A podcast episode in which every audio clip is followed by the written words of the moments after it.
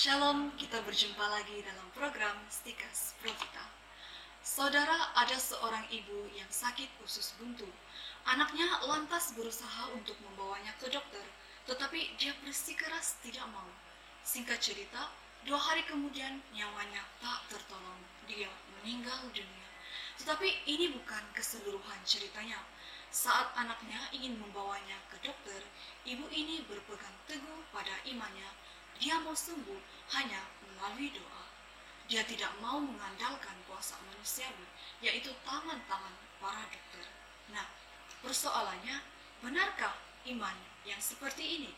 Kita percaya akan kuasa Yesus. Kita percaya Yesus mampu menyembuhkan segala sakit penyakit. Tetapi kita bersalah ketika kita tidak percaya akan penyembuhan yang terjadi melalui tangan para dokter atau sarana-sarana obat-obatan yang diyakini menurut ilmu kedokteran bisa menyembuhkan. Beriman itu boleh, tetapi tidak mau ke dokter hanya karena mau beriman justru itu keliru. Tuhan tidak pernah melarang orang untuk pergi ke dokter. Tuhan dan gereja percaya akan hal ini. Di dalam piagam bagi para pelayan kesehatan nomor satu mengatakan demikian. Kegiatan mereka yang melayani kesehatan, yaitu para dokter dan petugas kesehatan lainnya, merupakan pengabdian yang berharga sekali kepada kehidupan.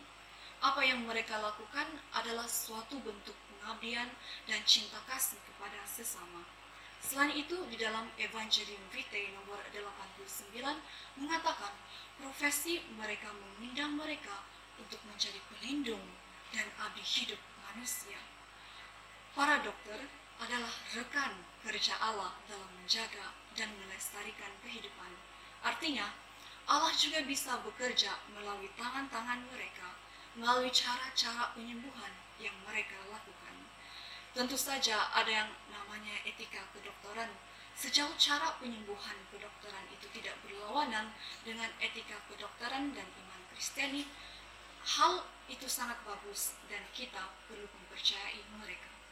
Jadi sesungguhnya Tuhan tidak pernah melarang kita untuk pergi ke dokter sebab penyembuhan bisa terjadi melalui mereka. Sekali lagi, Iman kepada Allah itu sangat bagus, tetapi memutlakan iman dan menolak perawatan kedokteran itu keliru. Kita juga bertanggung jawab atas kehidupan yang dianugerahkan Tuhan kepada kita. Bentuk perawatan manusiawi melalui para dokter atau petugas kesehatan sama sekali tidak bertentangan dengan iman. Namun justru sebaliknya merupakan bentuk tanggung jawab kita atas anugerah kehidupan yang diberikan Tuhan kepada kita. Sekian dari saya. Salam Provita.